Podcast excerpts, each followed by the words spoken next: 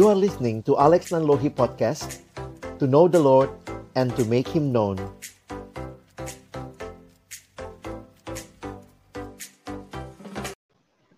Halo semua. Halo, selamat Halo. malam Selamat Pasca Malam, Kak Alex. Selamat Pasca. Selayar lagi Halo. setelah setahun ya Iya. Kita bersyukur boleh kenal apa boleh bergabung bersama walaupun mungkin ini udah terkenal ya. Tapi mungkin kita boleh kenalan dulu kali lagi sekali lagi ya Pak Alex. Siapa tahu ada perubahan Iya. juga kan dulu masih sama. Iya. Udah- Atau ini Re, perubahan status Asik. Iya. Setuju aku kalau gitu. aku nggak hafal sih ya statusnya kayak gimana? Oke, oke. mungkin kita kenalan dulu kali ya. Mungkin boleh kenalan eh, nama terus juga dari asal daerah mana atau pelayanan apa yang lagi dikerjakan sekarang, kegiatan dan sebagainya. Nama nama Ernest itu tadi udah disebut-sebut sama si Ray kayak gitu. Nah kalau pekerjaan eh, apa yang dikerjain ya staf perkantas masih kayak gitu. Kalau ditanya apa yang berubah belum berubah ya. Saya mengikuti sifat karakter Tuhan kan harus serupa Tuhan gitu ya. Gak berubah sepanjang masa. Kayak gitu. Nah itu itu yang saya pelajari dari Tuhan tidak berubah kayak gitu. Terima kasih Kak Ernest. Kita lanjut ke Kak Evin, silakan Kak Evin. Halo eh, semuanya teman-teman, kenalkan namaku Evin. Tapi kalau di Instagram namanya @stevina_marlina kalau teman-teman mau cari. Eh, Kok gue promo enggak ya? Eh, teman-teman, eh, kalau tahun lalu aku masih jadi staf siswa, tahun ini aku masih berkecimpung di dunia siswa tapi tidak lagi sebagai staf perkantas. Ye. Oh ye, Eh, aku sebagai guru saat ini mengajar di sebuah sekolah. Tapi aku masih aktif melayani di perkantas selain misi YouTube malam ini masih pelayanan bersama teman-teman lagi nyiapin eh, lagi mengerjakan untuk pre-graduation session and mentoring. Kemudian apalagi ya? Ya itu sih kalau pelayanan di perkantas so far. Itu aja. Terima kasih. Oke, denger-dengar tahun lalu ada rencana mau merit nih. Ray, mohon maaf, ini bukan KTP kita, ini YouTube ya. Jangan sampai saya spoil juga ya aja, Ray. persiapan Anda. Iya Ya, kan? teman-teman mohon maaf ya. Mereka ini teman KTB saya, jadi mereka suka lupa waktu dan tempat. Jadi abaikan Tahun saja. ini Tahun ini masih rencana merit Belum ada yang berubah Iya. Tahun depan juga kayaknya bang. Ernest Ah, jangan iri, tolong Ernest jangan iri. Ernest nggak mau ditinggal Jangan teman-teman, makanya gitu. Iya Motonya Iya, kayak Ernest kata- nggak berubah. Kayak Ernest, kayak Ernest Iya, motonya ya. berubah. Baik. Oh ini kayak stand up comedy ya, aku di roasting. Oke, ya nggak apa-apa kan. Maksudnya siapa tahu ada teman-teman yang mendengar juga punya pergumulan Asik. yang sama. Maksudnya boleh, teman-teman boleh, nggak boleh DM aku gitu kalau ya. mm, Kalau ada boleh DM untuk konsul. Teman-teman nggak sendirian. Oke. Sombong sekali Ray ini Ernest. terima kasih Kak Evin. Yang selanjutnya Kak Feng, silakan. Ya, halo teman-teman, saya Feng, eh, staf perkantas dari Makassar. Ye, yang paling jauh dari teman-teman semua. Ya, eh, apa ya? Kalau tahun lalu pelayanan eh, di Makassar, eh, kemungkinan tahun ini akan eh, berpindah pelayanan ke Wow. masih daerah masih daerah Sulawesi Selatan, tapi eh, ke arah Luwu Timur. Ya, rencananya tahun ini pindah. Ya, itulah perkembangan mungkin yang agak berubah, tapi tetap di pelayanan perkantas, eh, masih semangat melayani siswa, masih sering muncul di wajah-wajah siswa. Jadi belum banyak yang berubah. ya itu teman-teman teman-teman. Oke, Kak Feng dari Makassar. Kalau teman-teman mungkin update kondisi di Makassar beberapa waktu lalu ada aksi teror ya. Kak Feng Iya, itu betul. dekat pelayan daerah pelayanan Kak Feng kah atau Ah, enggak. Kalau kita agak jauh dari lokasi, jadi sebenarnya nggak terlalu terasa ya. Jadi waktu awal-awal apa, eh, apa tragedi teror itu sebenarnya yang yang yang cukup eh, ketat penjagaan itu cuma di area gereja aja. Tapi seluruh kota nggak nggak sampai memanas lah karena memang Hmm. eh, pemerintah setempat mengupayakan supaya kita nggak panik Jadi Hmm. uh, area area pelayanan kita, misalnya tempat perkantas dan juga area rumah para staff dan teman-teman pengurus itu agak jauh dari uh, lokasi. Jadi memang uh, kita nggak terlalu berdampak sih. Hmm. Oke, oke. Tapi itu pas ya, satu minggu sebelum Paskah ya. Iya, betul Kak Alex. Jadi sempat dikait-kaitkan lah dengan pasca begitu, Hmm. masalah keagamaan. Jadi sempat banyak uh, hoax-hoax juga yang beredar, sehingga kami banyak menghimbau kepada teman-teman siswa, mahasiswa, dan alumni untuk tidak menyebarkan uh, info-info, termasuk video uh, apa ke- uh, kekejaman uh, pengeboman itu, biar nggak semakin menambah kekisruhan gitu waktu itu Hmm. karena cukup panik ya tiba-tiba sama sekali nggak ada apa-apa. Habis dari Makassar kan kemudian eh, di Jakarta juga ini muncul ada beberapa isu-isu lagi. Jadi ya cukup Iya. inilah. Dan kalau kita lihat juga kemalangan yang menimpa bangsa kita dalam kaitan eh, pergumulan bencana alam juga ya. Sebenarnya Iya, bukan hanya yang terjadi belakangan ini karena cukup besar di NTT, NTB, tapi juga sebenarnya boleh dikatakan sepanjang setengah tahun ke belakang ya ada banyak eh, pergumulan dan juga bencana alam yang terjadi. Ya, jadi itu gimana ya kalau kita lihat dalam situasi seperti ini ya mungkin kita akan coba sama-sama share merayakan Paskah sekali lagi di tengah pandemi dan berbagai pergumulan. Nah, itu bagaimana teman-teman memaknai Paskah tahun ini dibanding mungkin tahun lalu di awal pandemi ya. Kayaknya tahun lalu yang paling besar tuh cuma pandeminya aja. Wah, harus Paskahan di rumah, harus Paskahan pakai YouTube atau pakai live di Zoom gitu ya. Nah, mungkin kita boleh share ya, Bang Rey ya, malam hari ini dengan teman-teman apa yang teman-teman eh, refleksikan lah dari pengalaman pergumulan setahun belakangan ini merayakan Paskah kembali. Mungkin boleh mulai dari Kak Evin dulu, Oke. Langsung sharing aja nih ya, Bang. boleh. Tanya lagi. Oke. Silakan. Hmm, kalau tahun ini terkait Paskah ya. Yang pasti kalau Paskah kan tidak bisa dilepaskan atau terlepas dari momen Jumat Agungnya juga ya. Eh, satu kesatuan. Nah, kebetulan juga tahun ini dipercaya untuk bisa mimpin Paskah anak-anak sekolah minggu. Jadi memang eh, sepertinya lebih kayak lebih menghayati gitu, lebih mendalami. Maksudnya ada persiapannya dibandingin tahun lalu mungkin cuma sebatas eh, ya menghayati dalam saat teduh dan mungkin dengerin khotbah. Hmm. Tapi uh, tahun ini agak beda. Em, salah satu yang mungkin aku renungkan kan apa yang mau aku sampaikan ke anak-anak sekolah minggu ya gitu dan termasuk buat diriku sendiri.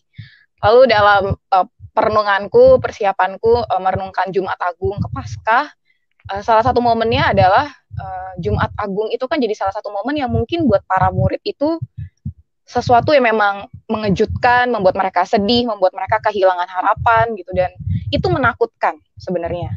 Nah, kurang lebihnya mungkin itu juga yang kita rasakan se- udah sepanjang setahun ini dan mungkin ada beberapa anak-anakku juga yang merasakan itu bahkan kalau dalam penghayatanku beberapa waktu yang lalu mungkin sempat positif sama COVID, ya itu jadi pengalaman yang sebenarnya juga menakutkan gitu. Nah, tapi eh, di dalam segala ketakutan, di dalam segala ketidakjelasan yang terjadi dan mungkin banyak pertanyaan Tuhan ini kapan berhentinya, Tuhan ini kapan eh, terselesaikan, Tuhan kapan ketakutan atau kecemasan ini hilang. Eh, dalam penghayatan itu kebangkitan Kristus tuh menyatakan bahwa di tengah segala ketakutan, di tengah penderitaan yang harus dialami baik eh, oleh para murid maupun yang mereka saksikan terjadi pada Yesus, sebenarnya di dalamnya itu Allah sedang bekerja. Dan buatku kebangkitan Kristus itu jadi salah satu bukti bahwa ini loh ada yang sedang Allah kerjakan. Dan istilahnya dari Jumat Agung ke Paskah mungkin jedanya eh, tiga hari atau dua hari perhitungannya mau ikut yang mana terserah.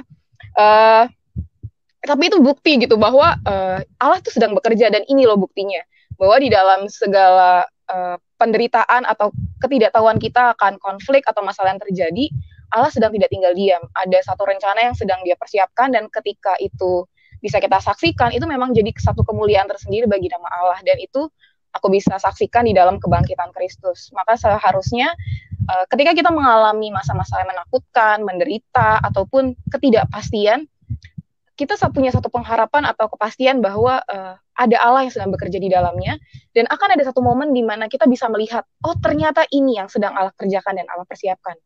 bedanya ya mungkin dalam hidup kita kita nggak tahu kapan kita bisa sampai di poin oh ternyata ini ya gitu. Seperti para murid bahkan waktu Yesus sudah bangkit pun mereka masih nggak percaya mereka masih bingung. Hmm. mereka lupa sama semua yang udah Yesus omongin gitu. Kayak bahkan ketemu Yesus pun uh, masih ragu dan takut gitu ya.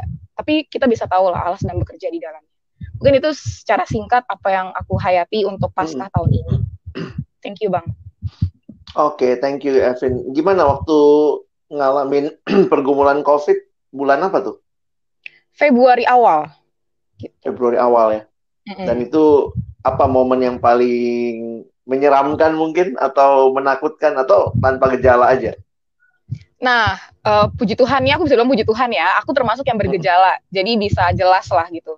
Uh, mungkin kalau teman-teman yang Jakarta, ini uh, Ray, Bang Alex, Ernest tahu lah ya, selama aku jadi staff tuh, hmm. aku salah satu staff yang cukup sering bolak-balik rumah sakit gitu. Maksudnya aneh-aneh aja lah penyakitku gitu. Bahkan teman-teman tahu nggak? Ini salah satu fun fact. ini lagi pasca, ini ceritanya lagi penuh penghayatan. Evin pernah masuk rumah sakit karena ada masalah di kukunya lah. Iya, iya. iya. Di jempol lah teman-teman di jempol. masalah, masalah Itu heboh loh. Yang masalah tuh di bius. Oh iya, Kafeng tahu tuh. Iya. Kafeng tahu iya, tuh masalahnya. Aduh, operasi besar ya teman-teman. Diperiksa sampai satu badan loh cuma kukunya emang Hebat sekali. Aduh, ya ampun, epic banget deh. Nggak ya teman-teman, nggak cuma itu doang ya. Jadi beberapa kali lah. Aku inget selama jadi staff uh, lima tahun di Perkantas, tiga kali lah aku masuk rumah sakit. Terima kasih Perkantas sudah mendukung saya ya untuk uh, disembuhkan. Oke, okay, uh, teman-teman balik lagi ya ke ceritanya. Jadi apa yang menakutkan? Nah, uh, oh ya, karena aku bergejala, sebenarnya salah satu yang menakutkan justru bukan aku menghadapinya, maksudnya waktu aku tahu hmm. ada COVID segala macam menyerang pernafasan, aku udah punya kekhawatiran tersendiri sih memang. Kan apalagi aku punya asma aku mikirnya wah ini udah nyerang imun tubuh terus pernafasan. Ini rentan banget untuk orang kayak aku yang emang penyakitan dan punya asma. Wah hmm. udah udah belki lah istilahnya itu. Jadi waktu akhirnya kena salah satu hal justru yang aku cemaskan adalah kondisi keluarga. Ini aku nularin hmm. ke mereka nggak ya? Terus uh, ini gimana lah segala macem. Tapi ternyata enggak karena memang uh, istilahnya walaupun kan jadi selama waktu sakit itu memang aku tuh di kamar terus kan. Bahkan sebelum sakit pun aku sebenarnya di rumah aja terus. Makanya kemungkinan besar hmm. tuh aku ketularan gara-gara ojek online yang sering nganterin aku makanan doang kayak aku interaksi sama mereka doang. Makanya aku agak bingung kenapa dikena covid gitu ya udah. Nah yang aku khawatirkan justru keluarga aku lah gitu. Dan salah satunya adalah sebenarnya waktu mikirin wah ini kalau kena terus emang parah apalagi kan ada penyakit bawaan pernafasan ini kalau istilahnya ya pahit-pahitnya ya udah aku meninggal kasihan banget malah aku nggak bisa mungkin nggak bisa nganterin aku nggak bisa ngurus aku gitu kan karena protokol kesehatan yang COVID gitu. Hmm. Justru itu yang aku pikirkan dan takutkan. Nah, uh, jadi selama di doa itu sih aku cuma berpikir Tuhan kuatkan orang tuaku gitu. Dan kalau emang Tuhan mau pulihkan ya berarti memang ada hal yang harus aku kerjakan lagi. Dan kalau memang nggak sembuh ya udah nggak apa-apa gitu. Uh, maksudnya udah lah, udah sampai di uh, kepasrahan itulah. Karena sebelum-sebelumnya kan aku juga udah ngalamin sakit-sakit yang lain lah gitu. Jadi kayak ini nggak bikin aku shock banget. Nah, cuman memang itu sih uh, di dalam penghayatan kalau emang sembuh berarti memang masih ada hal yang sedang Tuhan percayakan untuk aku kerjakan. Dan itu seperti sejalan dengan message-nya uh, Tuhan Yesus waktu dia bangkit hmm. kemarin juga salah satu yang aku kasih tahu ke anak-anak. Terus kalau kamu nggak takut kamu berani kamu harus berani untuk apa sih gitu? Kenapa sih kita harus berpengharapan dan percaya sama Tuhan? Kenapa kita harus berpegang sama Tuhan? Salah satunya ya supaya kita terus punya keberanian dan semangat untuk memberitakan kabar baik mengenai Tuhan itu kepada banyak orang baik melalui hidup mereka ataupun ya hmm. melalui momen-momen kamu memberitakannya. Jadi buatku itu jadi satu yang powerful juga uh, berita kebangkitan Kristus itu kemarin. Hubungannya dengan keberanian seperti apa sih kenapa sih kita uh, perlu punya pengharapan dan memiliki pengharapan itu salah satunya adalah ya supaya kita bisa terus memberitakan kabar baik itu kepada banyak orang sih. Sebagaimana itu yang juga Yesus minta. Kalau dari aku gitu hmm. gitu sih bang. Thank you Kevin uh, biarlah itu jadi perenungan yang juga boleh kita ingat ya. Ngapain kita berani, ngapain kita bangkit bersama Kristus. Dari Kak Feng, gimana? Boleh share sedikit apa yang dialami ataupun juga pergumulan melewati merayakan Paskah sekali lagi, apa yang dimaknai kali ini? Oke, Kak Alex. Kalau flashback satu tahun yang lalu, itu kan awalnya memang masih banyak menerka-nerka ya. Nah, ini biasanya di setiap momen Paskah uh, ada pastilah pelayanan, bikin acara apa gitu ya untuk anak sekolah minggu, untuk teman-teman di perkantas. Tapi memang waktu tahun lalu masuk uh, di momen pasca itu kita kena pandemi. Nah itu uh, jujur saya kebingungan karena mesti gimana gitu ya, termasuk perjamuan di gereja juga itu harus online. Jadi mesti pertama kalinya menyiapkan roti dan anggur sendiri di rumah kayak gitu. Jadi ada begitu banyak yang berubah. Awalnya saya berpikir bahwa wah ini hanya mungkin enam bulan lah paling lama gitu ya. Eh tapi ternyata setelah enam bulan eh, nggak uh, ada yang berubah-berubah, malah semakin meningkat. Lihat berita semakin penuh ketakutan. Ini kok uh, jumlah orang yang kena COVID kok tambah bertambah begitu ya. Lalu kemudian saya ingat sekali banyak sekali juga uh, keluarga yang uh, cukup waspada. Akhirnya kan kita nggak nggak nggak bisa keluar rumah stres di rumah dan macam-macam. Nah kemudian di pertengahan tahun waktu 2020 itu uh, saya itu kan waktu sebelum pandemi saya memang ada hmm. pelayanan uh, ke Papua gitu ya. Uh, dan itu cukup lama tapi harus pulang karena pandemi. Nah, 6, uh, di bulan 6, sekitar bulan 6 gitu ya, uh, saya kemudian mengalami gejala batuk uh, saya pikir saya kena COVID. Uh, ternyata setelah saya periksa, uh, ternyata didiagnosa uh, kena TB. Jadi itu juga hmm. shock gitu ya, uh, shock banget uh, di masa-masa COVID.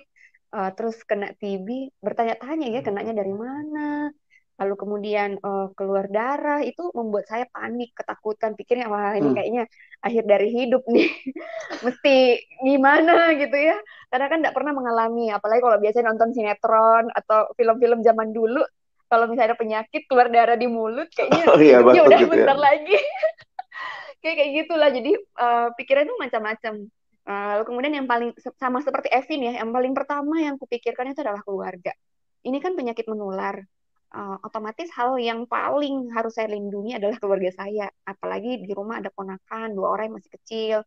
Uh, jadi itu membuat saya, aduh harus gimana gitu ya, mau isolasi ke mana juga. Soalnya kan lagi pandemi. Uh, hmm. Akhirnya saya memutuskan untuk uh, nginap tiga minggu di rumah persekutuan seorang diri tanpa ada kontak dengan teman-teman gitu ya. Uh, nanti setelah uh, menjalani proses pengobatan, tiga minggu uh, baru berani untuk ketemu orang uh, dan memang harus menyelesaikan pengobatan enam bulan. Nah tidak lama setelah kena uh, TB gitu ya masuk tahun 2021 difonis lagi kena COVID. Jadi double gitu ya. Jadi saya merasa ini apa? gitu ya. Tapi uh, bersyukurnya karena uh, saya nggak nggak nggak mengalami uh, ini ya maksudnya tubuh yang drop gitu enggak malah bias mengalami biasa-biasa aja gitu justru yang yang yang saya lihat orang-orang di sekitar saya yang malah wih kasihan banget ini ya Feng ya. Udah kena ini kena itu. Lalu kemudian pelayanan jalan terus gitu kan. Jadi tapi saya pikir uh, ini bagian dari hal yang sebenarnya mesti saya syukuri. Justru di di tengah-tengah kondisi uh, orang lagi parno-parnonya gitu ya berrelasi dengan orang lalu kemudian dengan adanya penyakit menular covid gitu kan uh, orang penuh banyak ketakutan gitu. Saya pun awalnya waktu uh, apa dapat kabar yang demikian dari dokter bahwa begini begini dan begitu, terus paru-parunya itu udah uh, ada beberapa yang luka, yang rusak sekalipun nggak nggak banyak, tapi itu membuat saya benar-benar harus uh, menjaga kesehatan gitu ya. Lalu kemudian pola makan diubah, uh, istirahat yang cukup, karena kan salah satu dampaknya kan juga begadang gitu kan. Uh, karena kalau online itu agak-agak berbeda jadi harus mikir banyak mesti bikin apa nih pelayanan online biar orang nggak bosan. Nah masuk tahun 2021 itu lebih mumet lagi karena kayaknya ide ini udah habis gitu. Kayaknya kok Tuhan ini COVID nggak berakhir-berakhir gitu ya. Berpikir uh, waktu kemarin tuh akhir tahun 2020 pemerintah kan udah sounding bahwa akan ada vaksin di tahap-tahap sekian. Itu sepertinya um, angin segar begitu ya bahwa oh mungkin nanti dengan adanya vaksin kita bisa lebih leluasa pelayanan uh, kemudian kita juga bisa lebih aman. Tapi ternyata toh sekarang udah banyak juga divaksin uh, toh masih ada juga orang yang uh, masih kena covid begitu. Jadi kadang-kadang saya bertanya apa sih yang Tuhan mau yang saya pelajari dari pengalaman hidup satu tahun ini? Uh, merefleksikan juga bagian uh, paskah ini. Uh, hmm. Saya teringat Maria Magdalena gitu ya. Maria Magdalena kan seorang perempuan yang tentu tahu dan mengalami uh, pengalaman bersama dengan Yesus selama Yesus hidup dan ada di tengah-tengah uh, kehidupan para murid. Nah, ketika waktu uh, Maria datang ke kubur Yesus gitu kan, Maria itu berada dalam kondisi yang sedih. Uh, mungkin dia kehilangan harapan gitu ya, orang yang sangat dia agungkan, orang yang sangat dia hormati, orang yang dia harapkan akan membawa pembaharuan bagi bangsanya, tapi kemudian harus mati gitu. Bahkan dengan mata kepalanya sendiri dia melihat bahwa kubur itu kosong di dalam pemahaman uh, Maria uh, ini seperti di, apa ini mayat Yesus ini dicuri nih.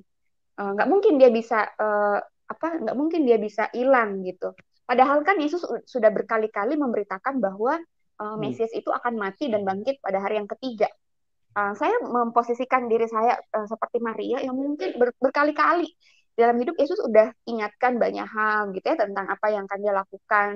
Uh, tetapi berkali-kali juga saya lupa bahkan lebih terpuruk pada kesedihan, sedih mayat Yesus dicuri, atau mungkin sedih bahwa semua harapan itu hilang dengan ada penyakit, dengan ada kondisi-kondisi, aduh kayaknya Tuhan nih nggak nggak nggak dengar nih pergumulan. Nah itu sempat ada menghantui di awal-awal tahun gitu ya kok mengalami hal yang seperti ini. Ditambah banyak juga planning-planning yang kemudian harus mundur. Lalu kemudian banyak lagi kondisi-kondisi yang berubah. Aduh pokoknya semuanya uh, bertanya-tanya kok Tuhan uh, membuat momen atau membuat ceritanya nih kayak drama sinetron begitu ya. Ada penyakit ada ini dan sebagainya. Tapi ke sini ke sini melihat bagaimana Tuhan menyertai uh, saya uh, benar-benar bersyukur gitu ya. Justru bersyukur mengalami semuanya itu karena saya bisa melihat uh, siapa orang-orang yang memang benar-benar Tuhan karuniakan. Ada untuk yang benar-benar memperhatikan menunjukkan kasih. Uh, jadi waktu saya mengalami masa-masa sulit seperti itu uh, Tuhan nggak tinggal diam, Tuhan kasih hmm. orang-orang yang begitu uh, banyak memperhatikan saya di telepon gitu ya dihibur waktu isolasi di di rumah persekutuan kan sepi gitu. Uh, hampir setiap hari teman-teman tuh nelpon kirim makanan. Jadi kayak aduh gimana? gitu ya. Uh, saya bersyukur sekali bisa mengalami momen itu. Waktu kena covid pun juga begitu satu keluarga juga uh, akhirnya ponakan saya kena juga gitu ya. Tapi kemudian uh, karena mungkin sudah melalui masa-masa yang sebelumnya akhirnya lebih apa ya lebih uh, ringan gitu ya uh, mendampingi keluarga yang uh, kemudian kena uh, memang awal-awal ada rasa bersalah tapi lagi-lagi Tuhan ngasih uh, satu mm -hmm. pengharapan gitu bahwa hidup mati itu ada di tangan Tuhan seberat apa pun penyakit mm. atau apa yang dialami Tuhan pasti akan memberi jalan keluar toh kalaupun mati saya sempat berpikir begitu toh kalaupun mati uh, itu tetap hal yang baik. Karena uh, mati di dalam Kristus. Ya, keselamatan itu jelas. Hmm. uh, jaminan yang diberikan Yesus itu jelas. Jadi itu yang memberikan uh, penghiburan sekalipun di masa-masa yang sulit. Masa depan sungguh ada dan harapan tidak akan hilang. Mm -hmm. uh, itu ke Alex mungkin yang bisa saya refleksikan setahun Wah. ini Thank you banget Kak Feng ya. Jadi iya, ternyata Kak. juga bertubi-tubi ya kalau dipakai istilah iya. itu bukan cuma uh, pandemi betul. di luar orang-orang di hmm. dunia tapi juga ngalamin di diri sendiri gitu ya. Iya. Wah itu Nah, di tengah-tengah Kak Feng ini lagi menyiapkan pernikahan ya. Iya, betul sekali. Jadi tahun ini akan mengakhiri masa lajang ya. Tolong Evin iya. dicatat ya. Jadi bukan tahun depan bisa Not, mengikuti. Itu yang namanya bukan rencana doang, Vin. Itu bukan Benar, rencana doang. Saya menyerahkan semua kepada Tuhan, ya ampun. Saya menyerahkan semua kepada Tuhan. Wah. Pacar saya nonton ya, teman-teman. Kalau sudah kumpul jadinya lupa ya. Tapi itulah kita saling menyemangati ya. Benar. Oke. Okay. Udah capek bang, disemangatin bang. Harusnya dikerjain, dilakukan. Oh, bilang aja Ernest tenang, ada temennya tinggal nanti yang dengar mungkin mesti berespon ya. Iya, betul sekali. Ayo Denis, nanti mungkin habis ini ditelepon ya. Sebut merek tuh Vin, jadi udah jelas ya. Nggak butuh jadi ditelepon, Kak. Udah, udah tahu ya. Oke. Okay. Jadi teman-teman menikmati setahun yang berlalu itu dengan berbagai suka dan duka, saya pikir ini bukan cuma wacana, bukan cuma cerita yang kayaknya dialami orang lain, tapi teman-teman yang ada di layar ini mengalaminya dengan berbagai hal ya. Nah, kita coba dengarkan dari Ernest, mungkin juga punya pengalaman bagaimana memaknai Paskah setahun ini. Silakan, Nas. kalau tadi menarik ya dengar cerita dari Evin ataupun juga dari uh, Kak Feng bagaimana mereka tuh bertubi-tubi kena kena beberapa uh, ujian gitu ya atau beberapa penyakit. Saya juga sih ya bertubi-tubi kena kemiskinan kayak gitu ya. Jadi kemiskinan bertubi-tubi menyerang saya. Kirain harus banyak. Wih, dulu itu dibongkar pandemi sudah pandemi. Terus begitu. Gak aku udah berusaha menahan, aku berusaha menahan. Tolong ya yang punya aset banyak, jangan merasa miskin tolong. Aset saya di surga, bukan di bumi. Nah kalau kalau setahun sih uh, kalau kalau ingat lagi ya soal soal paskah kayak gitu, apalagi beberapa kejadian yang baru belakangan ini terjadi, uh, balik lagi sih uh, ingat satu hal kayak gitu bahwa sebenarnya ada banyak orang yang mencoba mengerti apa sih sebenarnya uh, yang menjadi akar masalah dari society ini kayak gitu. Apa sih yang menjadi akar masalah atau masalah utamanya dari permasalahan yang yang terjadi di dalam masyarakat seperti itu nah menariknya waktu waktu uh, gue coba mikir-mikir bisa nggak ya ada nggak ya orang yang berani mengatakan kayak misalnya waktu apa yang terjadi di Makassar kayak gitu uh, bom di Makassar ada nggak ya orang yang berani mengatakan bahwa itu adalah tindakan dosa? Itu kayak gitu. Karena karena uh, mungkin kita akan setuju apakah itu uh, kekejaman betul itu adalah tindakan yang kejam. Apakah itu perbuatan jahat? Iya itu adalah perbuatan jahat. Tapi berani nggak kita katakan itu adalah perbuatan dosa yang padahal tuh uh, mungkin mungkin beba, buat beberapa orang uh, pelaku itu lagi melakukan sebuah tindakan ibadah tapi sebenarnya dia lagi melakukan dosa. Dan itu kan uh, yang dia lakukan adalah pembunuhan seperti itu dan itu adalah, adalah dosa. Berani nggak ya kita katakan hal seperti itu? Karena menariknya adalah waktu gue coba memperhatikan dan lain sebagainya tuh selalu jawabannya itu tuh ya humanis nggak masalah sih jawaban-jawaban humanis. Tapi jawaban yang muncul adalah mari kita mengedukasi mari kita uh, mengajarkan orang mari kita ajak mereka komunikasi dan lain sebagainya tapi nggak mencapai sasaran terdalam yang akar masalahnya bahwa ada hal yang yang salah dengan hati manusia seperti itu. Nah itu yang hmm. yang uh, gue nikmati sih selama pasca ini ya. Kenapa? Karena yang Yesus uh, selesaikan ya akar masalahnya. Yesus nggak nggak nggak datang cuman bawa soal komunikasi kayak gitu. Kalau lu komunikasi uh, semuanya akan lancar dan lain sebagainya. Ya betul kita butuh komunikasi. Tapi dosen komunikasi pun juga waktu menikah juga berantem juga sama istrinya kayak gitu. Nggak nggak ada nggak berantem sama sekali. Nah, jadi bukan komunikasi jawabannya, tapi ada hal yang jauh lebih dalam. Nah, makanya di dalam pasca ini salah satu hal yang gue nikmati itu bagaimana di dalam kekristenan itu eh, dosa itu tuh dianggap serius. Dosa itu dianggap serius. Dan kelihatannya eh, society itu lagi berusaha eh, memudarkan dosa jadi nggak berani ngomong itu adalah tindakan dosa. Kita ganti dengan kata-kata uh, kejahatan, kita ganti dengan kata-kata uh, itu kekejaman dan lain sebagainya. Tapi itu adalah tindakan dosa yang melanggar atau menyakiti hati Allah.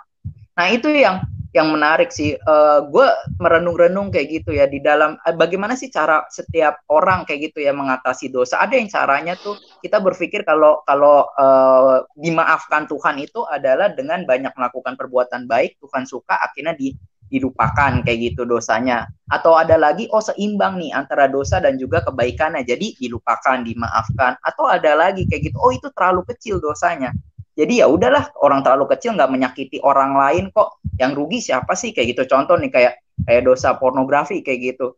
Siapa yang dilukai dari pornografi? Gue kan cuma nonton di layar kayak gitu. Dan yang paling dilukai ya gue doang. Nggak ada yang gue sakiti dan lain sebagainya. Uh, itu dosa kecil misalnya dibilang. Tapi itu kan sebenarnya dosa besar. Dan dan Alkitab mengatakan bahwa setiap upah dosa adalah maut. Mau besar mau kecil itu adalah maut. Nah bukti nyatanya maut itu uh, bagaimana ke kekristenan bagaimana Allah uh, menganggap dosa itu sebagai hal yang serius pelanggaran yang serius buktinya di atas kayu salib. Nah itu sih yang yang gue akhirnya uh, nikmati hal itu kayak gitu. Hanya kekristenan yang menganggap uh, dosa itu sebagai hal yang serius. Hanya kekristenan yang menganggap bahwa dosa itu tuh nggak bisa diselesaikan oleh manusia dan cara penyelesaiannya adalah kasih Allah di atas kayu salib tersebut. Dan itu yang disebut sebagai uh, forgiveness uh, of God nah itu yang lagi gue nikmati kan begini uh, gue makin menyadari ya kalau kalau gue nggak nggak nggak ngelihat betapa besarnya dosa gue, nggak sadar betapa besarnya dosa gue, yang lama-lama akhirnya gue tolak Yesus karena nggak merasa buntu hmm. lagi buat apa kayak gitu. Nah itu yang yang akhirnya sih gue coba terus belajar ya uh, untuk untuk uh, di selama pasca ini kayak gitu belajar untuk uh, pertama menyadari bahwa ada ada dosa kebiasaan-kebiasaan buruk dan itu harus serius kayak gitu. Jadi kalau gue ngerasa itu kayak kebiasaan kayak gitu gue tuh mesti mesti apa ya minta anugerah Tuhan mesti mesti memperbaharui cara pandang kayak gitu sesuai Alkitab Bo itu serius, Bo itu harus diselesaikan kayak gitu. Dan juga salah satu hal yang gue pelajari berikutnya adalah gue menikmati kasih Allah, menyadari Allah tuh mengasihi gue. Nah itu tuh, karena kalau gue nggak sadar uh, Tuhan mengasihi gue, gue akan terus berasumsi Tuhan itu jahat. Kenapa? Karena gue karena gue mikirnya gini, Tuhan itu baik kalau keinginan gue kayak gitu yang akhirnya uh, tercapai. Nah jadi gue akhirnya makin makin waktu gue renung-renung, ih sempit banget kasih gue ya. Ternyata gue cuma bisa dikasihi, gue akan bilang Tuhan baik kalau cara cara ekspresi kasih Tuhan itu sama dengan apa yang gue bayangkan. Kalau nggak sama, berarti kayak gitu Tuhan nggak mengasihi gue. Padahal ekspresi kasih Tuhan tuh banyak, luas. Ada banyak cara yang Tuhan tuh bisa mengasihi gue kayak gitu. Tapi gue selalu mau cuma satu caranya Tuhan penuhi keinginan gue. Nah itu yang yang akhirnya tuh gue coba renung-renung di, di selama pasca ini ya. Padahal apa yang Yesus kasih, yang Tuhan kasih itu jauh uh, jauh dari apa yang gue bayangkan.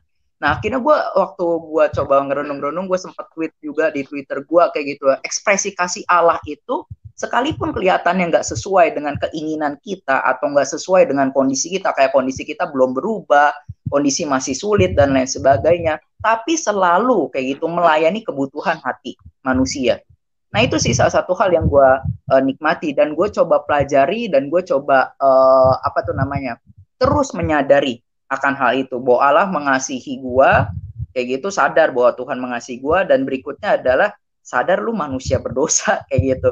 Kalau nggak begitu atau kadang-kadang tuh ya manusia cenderung bilang, oke okay, gue manusia berdosa, tapi lu nggak, gue nggak mau dibilang orang jahat. Kayak gitu. Kalau dibilang apakah gue lebih baik dari dari Evin, gue akan bilang, oh mungkin enggak, gue nggak nggak lebih baik dari Evin. Mau nggak lu disebut sebagai orang jahat? Ernest ada orang jahat, enak aja. Gue nggak mau lah disebut orang jahat. Gue bukan orang jahat. Padahal kenyataannya Alkitab mengatakan kita orang jahat kayak gitu karena kita memusuhi Allah.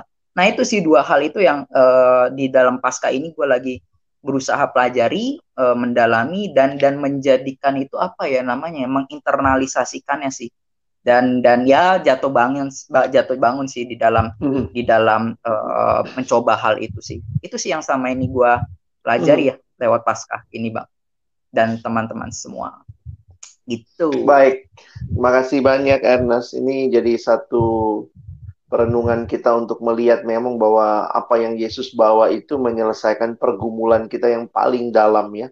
Bukan sekadar satu pergumulan yang karena kurang secara manusia ya, kurang pinter, kurang kurang bagus dipimpinnya, kurang cukup makanannya, tapi ini realita manusia sedang ada dalam dosa dan Paskah yang tentunya juga kita sudah rayakan menjadi satu bukti nyata Allah peduli dengan pergumulan terbesar kita. Kalau Bang Rey sendiri nih sebagai seorang yang juga ngalamin ya setahun ke belakang gitu ya. Banyak rencana-rencana yang tertunda. Gimana Bang Rey memaknai Paskah setahun ke belakang ini waktu merayakan kembali? Ya, yeah. Uh, suaraku jelas kan Bang Lex ya? Jelas. Uh. Ya. Uh, aku uniknya tahun ini tuh nggak bisa ikut uh, ya walaupun hanya online sih ya tapi nggak bisa di hari haknya gitu misalnya kan biasa kalau kita Jumat Agung ibadahnya Jumat terus Paskah uh, Minggu pagi kayak gitu karena uh, dua minggu ini aku uh, keluarga aku keluarga mami ngalamin kedukaan jadi kedukaan. kakaknya mami uh, pokoknya mami meninggal kayak gitu dan itu di hari uh, Senin se di minggu terakhir itu jadi ada acara ini apa uh, ibadahnya dan kemudian kremasi dan sebagainya. Nah, itu sampai Jumat lah, sampai Jumat Agung baru selesai, baru beres. Nah, kemudian hari Minggunya itu uh, papanya Gaby masuk rumah sakit. Mm-hmm. Jadi uh, seminggu lah, ya nggak sampai seminggu sih berapa hari kayak gitu, dan itu juga sempat serem juga karena di foto ronsen ada flek di paru dan sebagainya. Jadi uh, itu dua minggu yang lumayan ini juga ya gitu apa merhatiin sana sini uh, baik yang kerugian maupun yang sakit berturut-turut kayak gitu. Nah cuma uh, kalau berkaitan, nah aku jadi merenungkan uh, ya penyakit dan kematian gitu ya, maksudnya ketika hmm. melihat mama dan uh, keluarga gitu, itu koko kakaknya mama yang paling sayang banget lah sama mami gitu. Waktu mami masih kecil tuh uh, koko hmm. itu yang yang nyekolahin. Hmm ya, ya maksudnya ngebiaya lebih banyak dan mampu kayak gitu. Jadi apa ya uh, memang sangat sangat menyedihkan gitu. Kematian itu tuh kayak ya akhir udah nggak bisa diapa-apain. Emang udah mentok kayak gitu. Dan setiap kita menuju ke sana gitu. Nah, nah aku jadi kayak bersyukur gitu ya. Tuhan ingatkan bahwa ya di dalam Paskah eh, ketakutan yang paling terakhir itu sudah dijawab gitu yaitu kebangkitan Kristus dan melalui kebangkitannya lah kita akan mengalami kepenuhan kebangkitan itu pada waktunya. Aku juga jadi menarik sih dalam pelayanan-pelayanan beberapa waktu ini, ibadah pasca di kampus dan sebagainya. Aku juga jadi banyak merenungkan seperti ini gitu banyak kan anak-anak muda kalau kayak kita gitu ya kebangkitan itu ya nantilah kalau udah tua udah mati udah penyakitan baru mau mati hmm. kayak gitu ya hmm. atau mikirnya kalau kamu kecelakaan atau apa baru mati gitu tapi aku jadi banyak merenungkan gitu banyak dari kita hidup tapi rasanya mati gitu hidup rasa mati tuh uh, bosen kosong kayaknya lumpuh nggak bisa ngapa-ngapain menyerah dengan keadaan, menyerah dengan kelemahan. Jadi jangan pikir kebangkitan tuh baru bekerjanya tuh nanti gitu ya, waktu udah tua, waktu udah mau mati atau udah deket-deket masa-masa meninggal gitu. Sebenarnya kebangkitan itu tuh dari sekarang membangkitkan gitu. Dan kalau kamu pikir nggak kamu nggak terkait sama kematian, coba lihat lagi gitu. Sekelilingmu itu penuh dengan bayang-bayang kematian gitu. Diri kita juga banyak penuh bayang-bayang kematian, rasa-rasa mati rasa, lumpuh, nggak bisa ngapa-ngapain, terbatas, frustrasi dengan keadaan, itu kan ya itulah jadi mayat kan, udah nggak bisa gimana-gimana gitu. Hmm. Dan cepat atau lambat ya busuk gitu, mati sendiri. Nah, aku jadi banyak merenungkan si metafora itu gitu ya, maksudnya uh, melihat kematian, penyakit yang dekat dan kebangkitan Kristus yang mengubahkan, ya aku jadi belajar uh, bukan cuma waktu nanti, tapi kalau teman-teman saat ini lagi merasa hidup rasanya mati, kebangkitan Kristus itu telah dan mampu mengubahkan buat kita saat ini sekalipun. Jadi itu yang aku syukuri sih, yang maksudnya jadi perenungan pribadi hmm. meskipun ya memang tahun ini berasa sih rada ya dua minggu terakhir lah khususnya itu jadi kayak mungkin rada cepat berlalu memang nggak seperti hmm. tahun lalu yang lebih reflektif dan kosong di rumah gitu ya. Uh, apa pandemi gitu nggak ngapa-ngapain. Nah kebetulan tahun ini tuh dalam kondisi seperti itu. Jadi memang uh, rada apa ya rada rasanya kayak minggu yang biasa sih memang kalau aku secara pribadi. Tapi bersyukur buat pengalaman dan uh, mm. pemahaman pembelajaran yang itu. Mm. itu bang. Baik thank you bang Ray ini jadi satu pengalaman yang indah tentunya ya buat juga mungkin teman-teman yang ngalamin juga bagaimana kita memaknai, melihat lagi hidup dan kayaknya memang begitu dekat dengan kematian ya.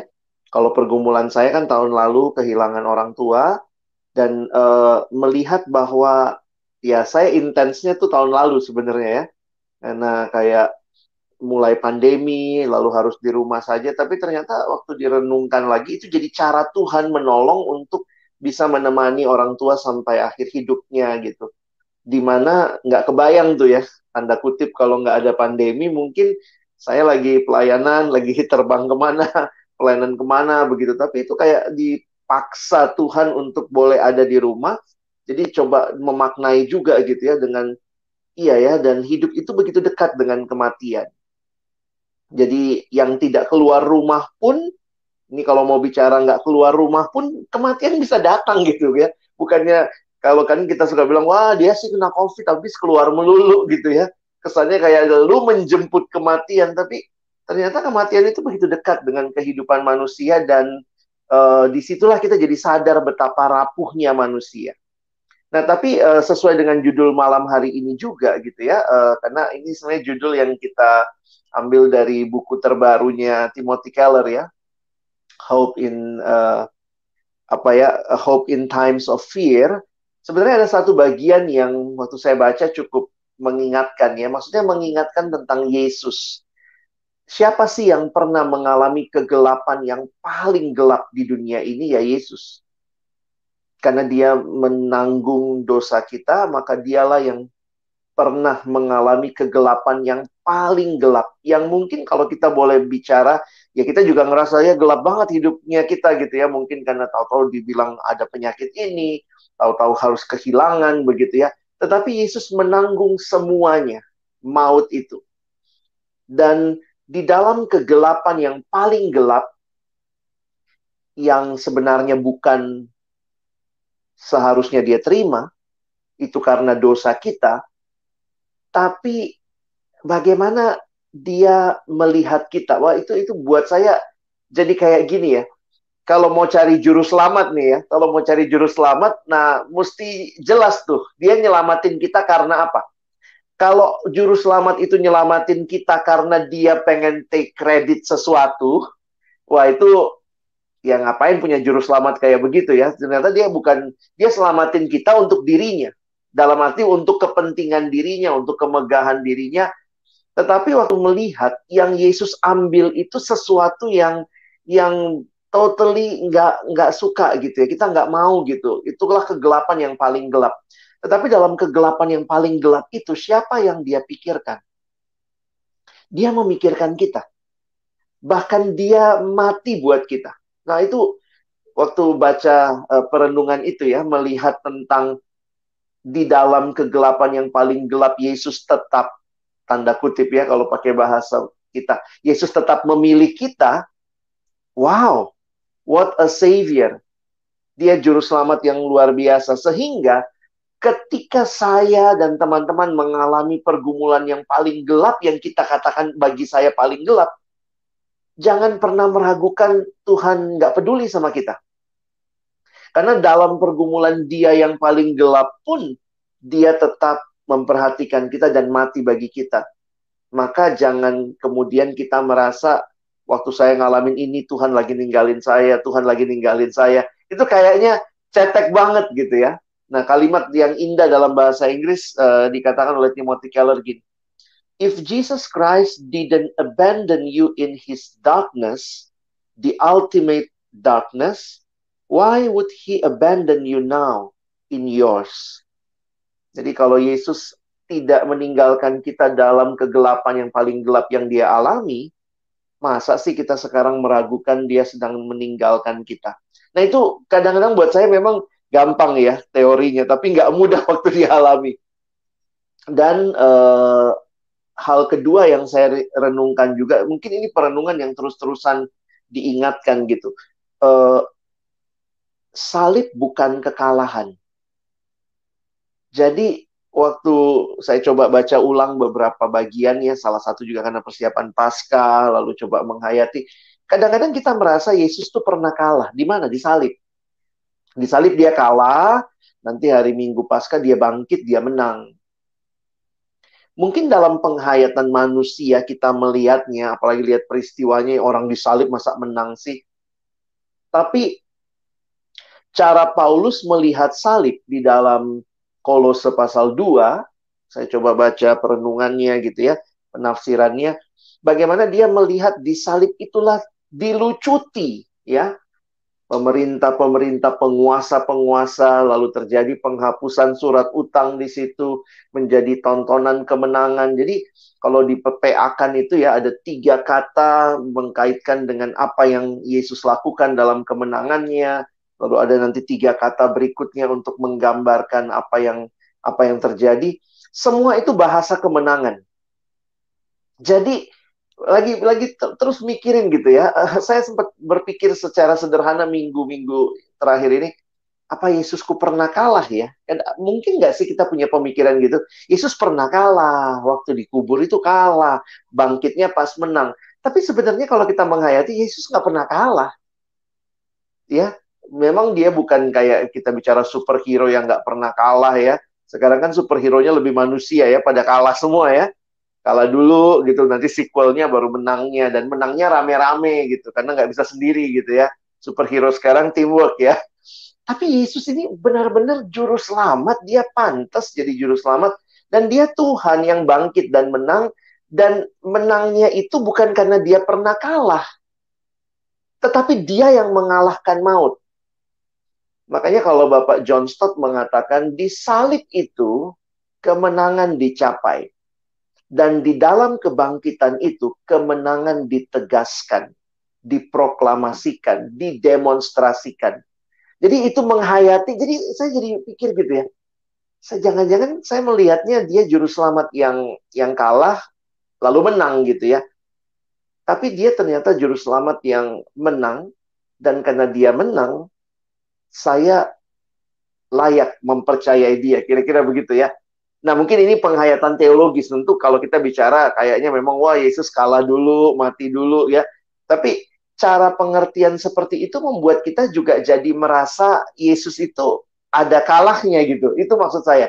Yang kadang-kadang tanpa kita sadari waktu pergumulan kita kita berpikir eh, masa-masa gelap itu masa-masa kekalahan kita dalam arti Tuhan juga ya Tuhan kayak juga ngalamin itu ya mesti kalah dulu Bukan, tetapi menghayati bahwa di dalam Kristus kita ada dalam kemenangan.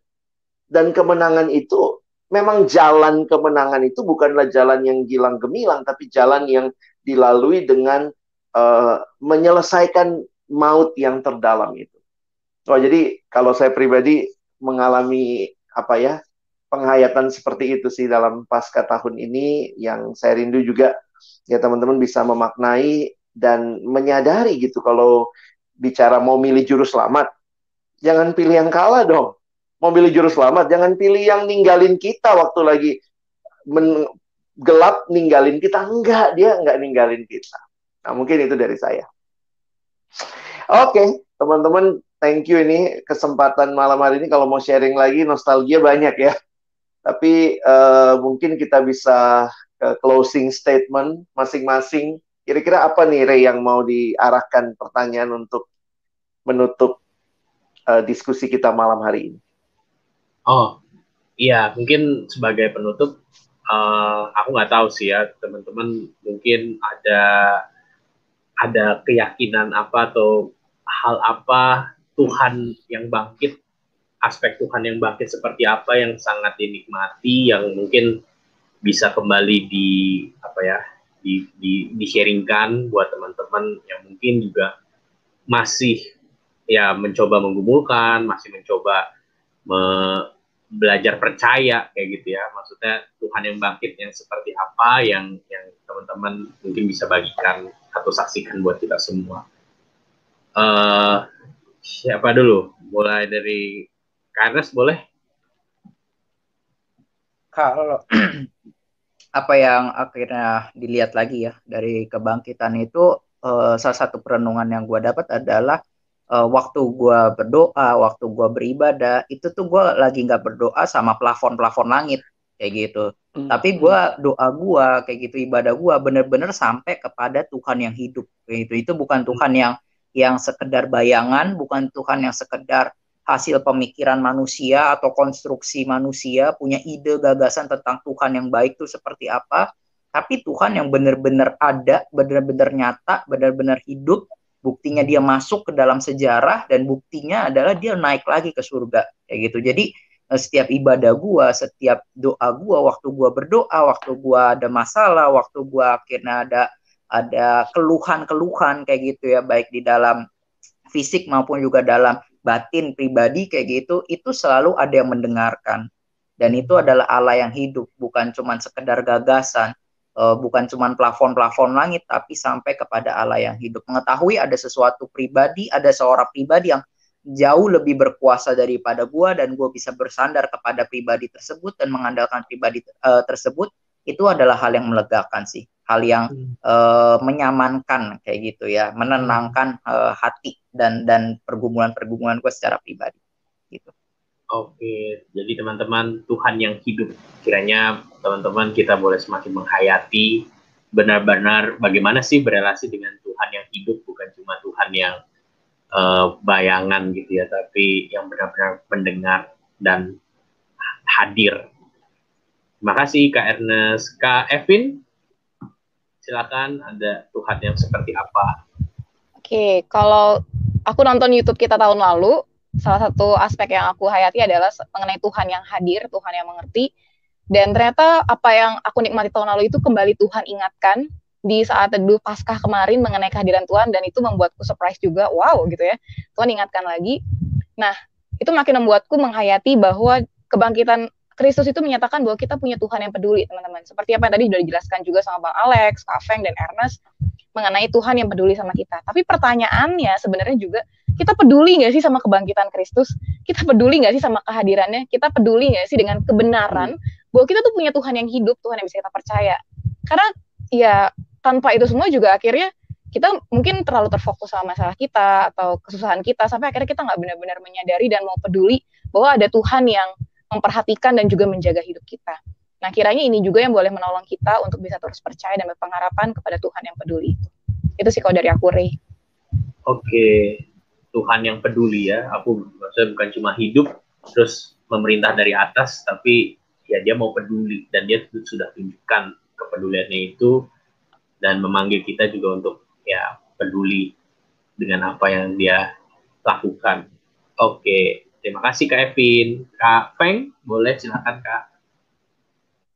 Iya, kalau aku juga uh, merefleksikan gitu ya tentang siapa Tuhan, kembali mengingat pengalaman pengalaman-pengalaman yang kemarin yang dialami, uh, saya melihat uh, bahwa kebangkitan Kristus itu memang benar-benar menjamin hidup, hidup dan mati uh, ada di tangan Tuhan gitu. Jadi kalau memang waktunya belum tiba, Tuhan masih mau pakai, ya Tuhan pasti akan memberikan uh, apa anugerah demi anugerah begitu ya setiap harinya untuk bisa menjalani kehidupan. Lalu kemudian juga mengingat yang yang saya refleksikan juga tadi cerita tentang Magdalena, Maria Magdalena itu ya. Waktu dia bersedih uh, sesedih-sedihnya begitu Yesus tidak uh, tidak membiarkan dia bersedih berlama-lama, tapi kemudian uh, Yesus menyuruh Maria Magdalena untuk pergi ke murid-murid yang lain supaya dia pergi memberitahukan akan kebangkitannya seperti itu. Nah, saya merefleksikan juga bahwa ya sekalipun pergumulan yang tahun kemarin itu memang berat gitu ya bagi saya dan mungkin mungkin bisa jadi juga akan ada pergumulan-pergumulan yang lain gitu ya nggak tahu beratnya gimana nanti. Tetapi satu hmm. hal yang uh, satu hal yang saya percaya bahwa Tuhan itu punya uh, kendali. Kalau dia udah bisa bangkit gitu ya dari kematian, berarti kan dia udah punya kendali kehidupan gitu. Nah, karena itu saya mau belajar untuk uh, mempercayakan hidup kepada sang pengendali hidup dan juga uh, belajar untuk uh, tidak berlama-lama di dalam keterpurukan dan kesedihan supaya saya uh, pergi untuk memberitakan juga kepada orang-orang lain yang mungkin lagi bersedih, yang mungkin lagi patah hati, yang mungkin lagi nggak uh, jelas gitu ya kehidupan mereka, mungkin hilang harapan. Nah, uh, itu bagi saya harus pergi untuk memberitahukan kepada mereka bahwa Kristus itu hidup dan Kristus yang pegang kendali hidupmu sama seperti Kristus sudah memegang kendali hidup saya. Nah, itu yang uh, terus-menerus membuat saya karena itu kenapa uh, kita tuh mesti hidup hidup benar begitu. Maksudnya uh, menggunakan setiap waktu yang ada uh, untuk berkarya bagi Tuhan. Jadi memang tidak menyia-nyiakan uh, tetap rajin gitu ya rajin untuk uh, memberitakan kebenaran, rajin untuk menyampaikan kabar baik, dan rajin untuk melayani seorang akan yang lain. Bagi saya itu uh, menandakan uh, keyakinan kita bahwa Kristus bangkit, sehingga kita tuh nggak nggak hidup dengan pola hidup yang uh, terpuruk gitu kan, yang hidup untuk diri sendiri, tapi lupa sama orang lain. Karena justru Yesus mau kebangkitannya itu ditahu oleh hmm. semua orang dan kita pergi. Nah itu sih Ray yang saya pelajari dari semuanya ini. Oke, terima kasih Kak Feng. Kiranya kita boleh semakin menyerahkan kendali kepada Tuhan, Sang Pengendali hidup kita, yang hidup, yang benar-benar peduli, yang benar-benar mau menyatakan dirinya kepada setiap orang yang dikehendaki. Nah, Bang Alex, aku juga mau sharing uh, mm. event kita. Ya. Sekalian pasca mempromosikan promosi Sabtu ini ya. Publikasi ya. Uh, boleh nanti Bang Alex tolong bacain ya. Aku soalnya nggak bisa. Mm -mm. Takutnya nggak bisa. Well. Oke, jadi teman-teman, hari Sabtu ini kita akan menikmati juga Paskah, ibadah Paskah Perkantas. Ini secara khusus Jakarta dan tapi karena sudah online nanti ya bisa diakses di mana saja teman-teman ya. Jadi ibadah Paskah Perkantas 2021 dengan tema Do not disbelieve but believe ya. Janganlah engkau tidak percaya tapi percayalah. Hari Sabtu ini tanggal 10 April jam 4 sore sampai jam 6 sore. Ya, kita sama-sama akan dilayani oleh pembicara ada Kak Triawan Wicaksono dan akan ada di YouTube Perkantas Jakarta ya. Jadi silahkan teman-teman juga boleh nyalakan loncengnya, notifikasinya supaya nanti bisa cek uh, kalau sudah ada uh, nanti akan premier di situ ya. Nah, jadi kesempatan kita bersama-sama siswa, mahasiswa, alumni dari berbagai kota bisa berkumpul bersama beribadah. Oke, mungkin itu ya, Ray. Oke, terima kasih uh, Bang Alex dan teman-teman semua. Mungkin yang terakhir boleh minta kesediaan Kak Feng kali ya. Boleh berdoa, maksudnya mendoakan buat setiap kita maupun juga teman-teman yang mendengar di dalam perenungan paskah mereka dan juga perjalanan hidup ke depannya. Boleh minta kafeng ya. Ya teman-teman mari kita berdoa. Kepadamu ya Tuhan pemilik kehidupan kami, kami bersyukur oleh karena kasihmu yang besar bagi setiap kami pribadi pribadi yang di mana engkau mau datang ke dalam dunia ini menjadi sama seperti manusia dan kemudian mengambil alih semua hutang dosa-dosa kami. Kami bersyukur karena kami boleh mengetahui bahwa Engkau Allah yang tidak pernah meninggalkan kami, bahwa Engkau Allah yang menyelamatkan kami. Kami bersyukur untuk setiap beban-beban dosa yang telah Engkau tanggung di atas kayu salib. Biarlah ya Tuhan, kami terus mengingat akan pengorbanan Kristus di atas kayu salib, sehingga kami pun juga tidak menyia-nyiakan kehidupan kami. Sekalipun pergumulan kami di masa yang akan datang mungkin berat, ataupun pergumulan kami hari ini sangat berat yang tidak bisa kami lalui seorang diri. Kami percaya bahwa Tuhan tidak pernah meninggalkan kami. Biarlah ya Tuhan, kami terus boleh berjalan bersama dengan Tuhan, apa pun musim kehidupan kami.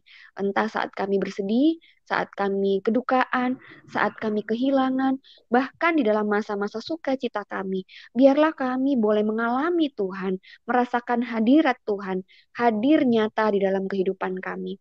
Kami bersyukur untuk satu tahun penyertaan Tuhan bagi kami, sekalipun masa pandemi, tetapi kami percaya bahwa penyertaan Tuhan tidak pernah lepas daripada kami.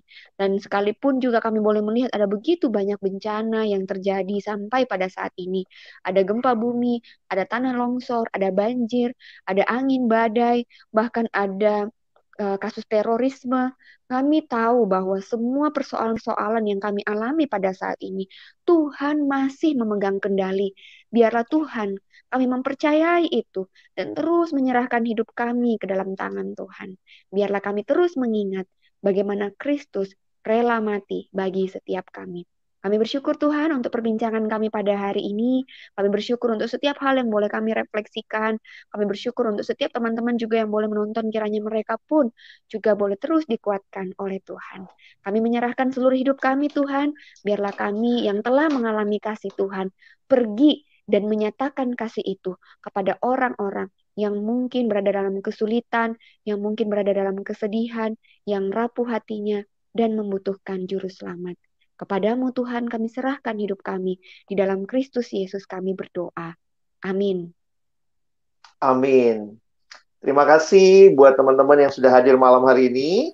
Dan kiranya juga bisa ikut terus dengan YouTube Alex Nanlohi. Dan minggu depan kita akan membahas satu buku, buku baru terbitan dari Bapak Eloy Saluku. Jadi bisa tetap stay tune. Minggu depan kita akan masuk dalam diskusi buku. Thank you sekali lagi buat Kak Feng, buat Kak Evin, Kak Ernest, Bang Ray, dan juga buat teman-teman semua. Sampai ketemu. Bye. Thank you. God bless. God bless you.